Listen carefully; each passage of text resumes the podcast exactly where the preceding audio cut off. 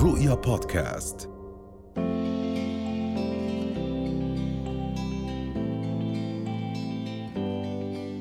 وفي سعينا نحو تحسين وتطوير مساراتنا المهنية يلعب موضوع الزيادة السنوية دورا بارزا في تحقيق تقدمنا المالي والمهني. يأتي اختيار الوقت المناسب لطلب الزيادة السنوية كخطوة استراتيجية وهذا يعتمد على مجموعة من العوامل التي قد تؤثر في نجاح هذا الطلب. سنتناول في هذه الفقرة ما هي العوامل المؤثرة في تقديم الطلبات للزيادة مع محمد نمورة خبير موارد البشرية والتطوير المؤسسي فاهلا وسهلا فيك. أهلا فيكم. صباح الخير لكم. أهلا وسهلا أستاذ محمد. اليوم نحن بحوارنا رح نوجه للمؤسسات وأيضا للموظفين أكيد لأنه هم طرفين بهاي المعادلة. خلينا نبدأ للمؤسسات. شو هي الأمور اللي تؤخذ في عين الاعتبار لما يجوا يقولوا يعني القيمة قديش أنا بدي أعمل زيادة سنوية للموظفين؟ شو الأمور اللي تؤخذ في عين الاعتبار؟ نعم بالبداية خلينا نعرف حاليا التعريف المعاصر للزيادة السنوية. ببساطة الزيادة السنوية هي أنا بكافئ الموظف آه، بسبب وجوده معي واستمراريته معي بالرغم من وجود تطورات تغيرات في سوق العمل في عنا منافسين في عنا آه، أهداف معينة إحنا بنحققها ف مكافأة لك لك ووجودك معنا في الشركة بيكون في عندك مبلغ معين. هذا هذا المفهوم المعاصر. إذا بنرجع شوية بالزمن لورا الزيادة السنوية تم ابتكارها بسبب آه، آه، تغطية ال inflation ratio اللي هي نسب التضخم في الاقتصادات في الدول. البنوك المركزية في الدول بالعادة كل سنة آه، بتطلع بنسبة تضخم معينة. ويتم آه، آه، محاولة آه، تجاوز هاي النسب عن طريق أنه يكون في أمور تساعد الأفراد والموظفين برواتبهم بنسب معينة برضه حتى يقدروا يتجاوزوا هاي التحديات. بعد فترة تطورت الأمور وصاروا يحطوا مواضيع بترجع لإدارة الأداء وتقييم الأداء. كل ما كان في إنجازات أكثر كل ما كان في نسب أكثر للمبالغ المالية الموزعة السنوية. وبالإضافة آه، آه، آخر شيء صار في عنا إضافة الأرباح. يعني كل ما كان في ربح في الشركات ومدخول للشركات برضو في عنا إليمنت معين بالمعادلة صار يزيد على هذا المبلغ. بالتالي المبلغ هذا عبارة عن مجموع عدة عوامل. أهمها هي تقييم الأداء في الحقيقة. وبطبيعة الحال كإجراء بيتم اعتماد هذا الراتب للسنة القادمة لمدة 12 شهر.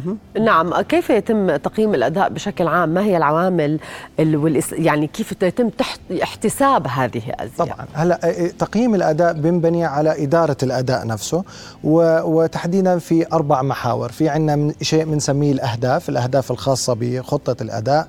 في عندنا شيء بنسميه اللي هو المؤشرات الأداء الرئيسية اللي هي ال KPIs key performance indicators وفي عندنا كمان المحور الثالث اللي هو آآ آآ آآ انت شو بتعمل خارج ال box زي ما بقولوها شو بتعمل أشياء initiatives projects انت عملتها خارج خطة أدائك خارج المهام المطلوبة منك بالإضافة للجدارات والمهارات اللي انت أظهرتها في خلال أدائك لهي المهام.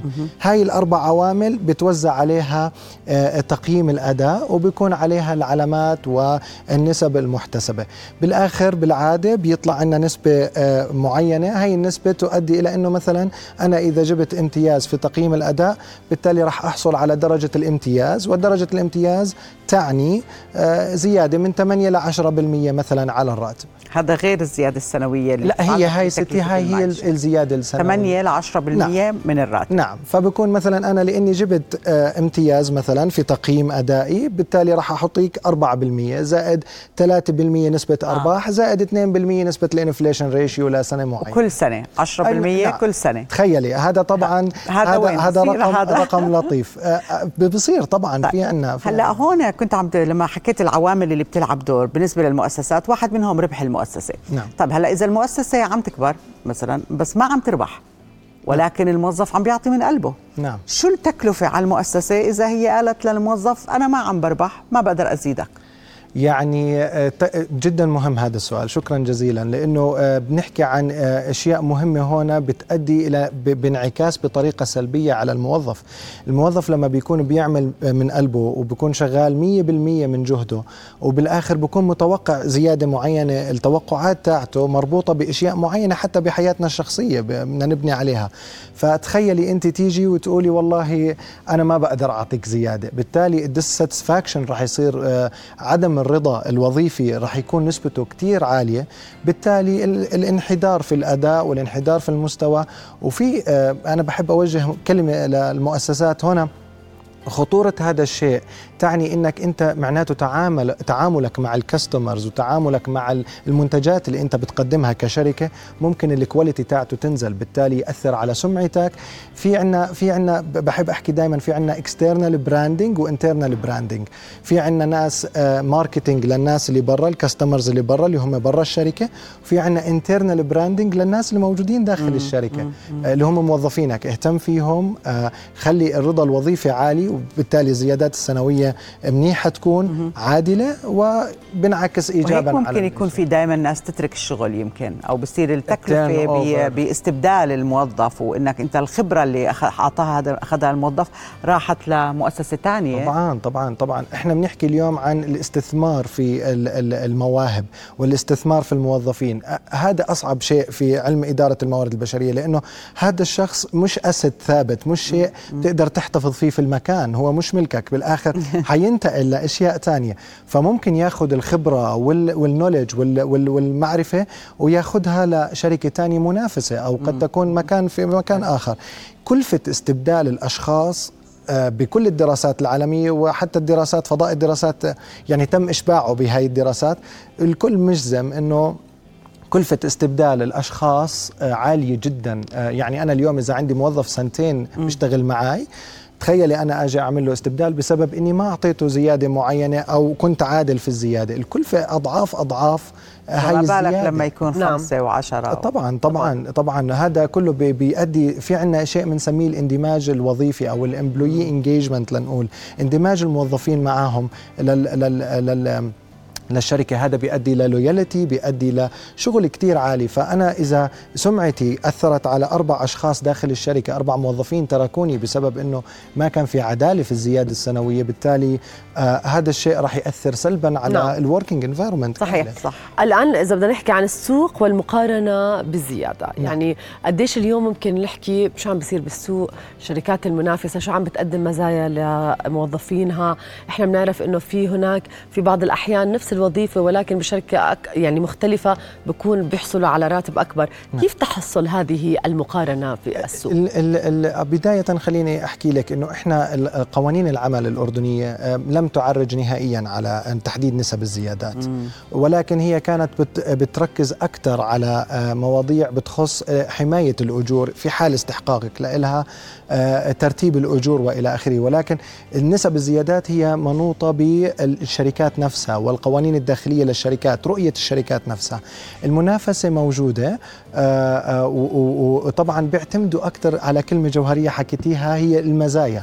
ما بيعتمدوا على الزيادة السنوية يعني أنا اليوم لما بفوت على شركة ال starting point تاعتي تختلف تماما عن مفهوم ال- ال- المزايا. ممكن أنا أبلش اليوم بمكان آه، آه، 500 دينار وبمكان تاني برضه 500 دينار. بس المزايا الموفرة بالشركة الثانية بتخليني أحب الشركة هاي أكثر بت... آم، العلاوات الموجودة البدلات الموجودة كلها بتأدي ليكون في فرق كبير في الأخير في ال- النت payment اللي باخذها الموظف آخر الشهر آه، أخ محمد يعني عندك خبرة أكثر من 12 سنة بالمواد البشرية نعم. وأيضا على اطلاع يعني دائما مستمر على أحدث الدراسات والتطبيق العملي على أرض الواقع للموظف هلا بدنا نتوجه هو كيف يروح يطلب الزيادة السنوية إذا كانت المؤسسة مش من المؤسسات اللي بتمشي على هاي المعايير العالية اللي حضرتك نعم. تفضل فيها بالبداية مهم جدا. دائما مشكلة بنواجهها مع الموظفين وهنا أنا بنصحهم كلهم إنه دائما يوثقوا شغلهم دائما يكون في تقارير دائما هي الناس بتحب هاي التقارير.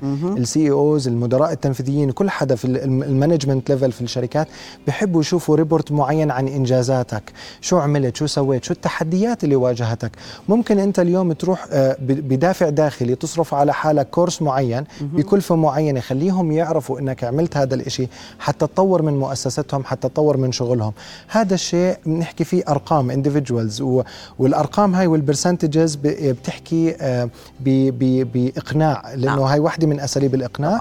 لحتى نقدر نعمل هذا الشيء. الموظف عليه إنه يعمل هذا الشيء يتأكد إنه موجود يتأكد دائما إنه في ايفيدنسز على شغله اللي مرتب في اثباتات يطلب اجتماع آه، بطريقة رسمية إنه أنا والله عملت واحد اثنين ثلاثة أربعة. واحدة من الأشياء اللي برضه بتخلي الموظفين يطلبوا الزيادات اللي هي حصولهم على عرض وظيفي آخر.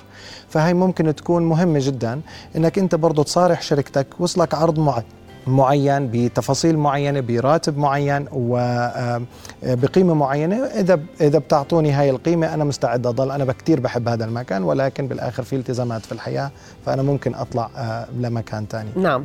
ولكن ربما في بعض الأحيان تؤخذ ضد الموظف إنه هو عم ببحث على يعني بمكان آخر على وظيفة أخرى. فهذا هل ممكن يأثر سلبا على الزيادة؟ طبعا. هلأ إحنا بدنا نعرف شيء كثير مهم. ننتبه لل environment environment ننتبه للظروف المحيطة بالمكان الظروف الاقتصادية للشركة. يعني اليوم أنا إذا شركة مثلا بتعمل downsizing بتقلل الموظفين. ما بروح بطلب زيادة لأنه معناته it's alarming وإنك أنت بدك تطلع فالله معك ما راح نزيدك. آه، مهم جدا ننتبه على هاي التفاصيل. آه، مصدر القوة برضو لإلك مهم أنت كموظف. التوقيت المناسب للموظف بنقاش مثل هاي الأمور. آه، بالعادة هي زيادات زيادات سنوية بتم البست براكتسز تاعتها بتم بالسنة مرة. فأنا ممكن برضو أجل حواري لهذا الموعد وأقدر أناقش فيه مع الأدلة. نعم. نشكر وجودك معنا أستاذ محمد نموره المختص في الموارد البشرية والتطوير المؤسسي على هالمعلومات القيمة. نشكرك. شكرا جزيلا لك. أهلا وسهلا.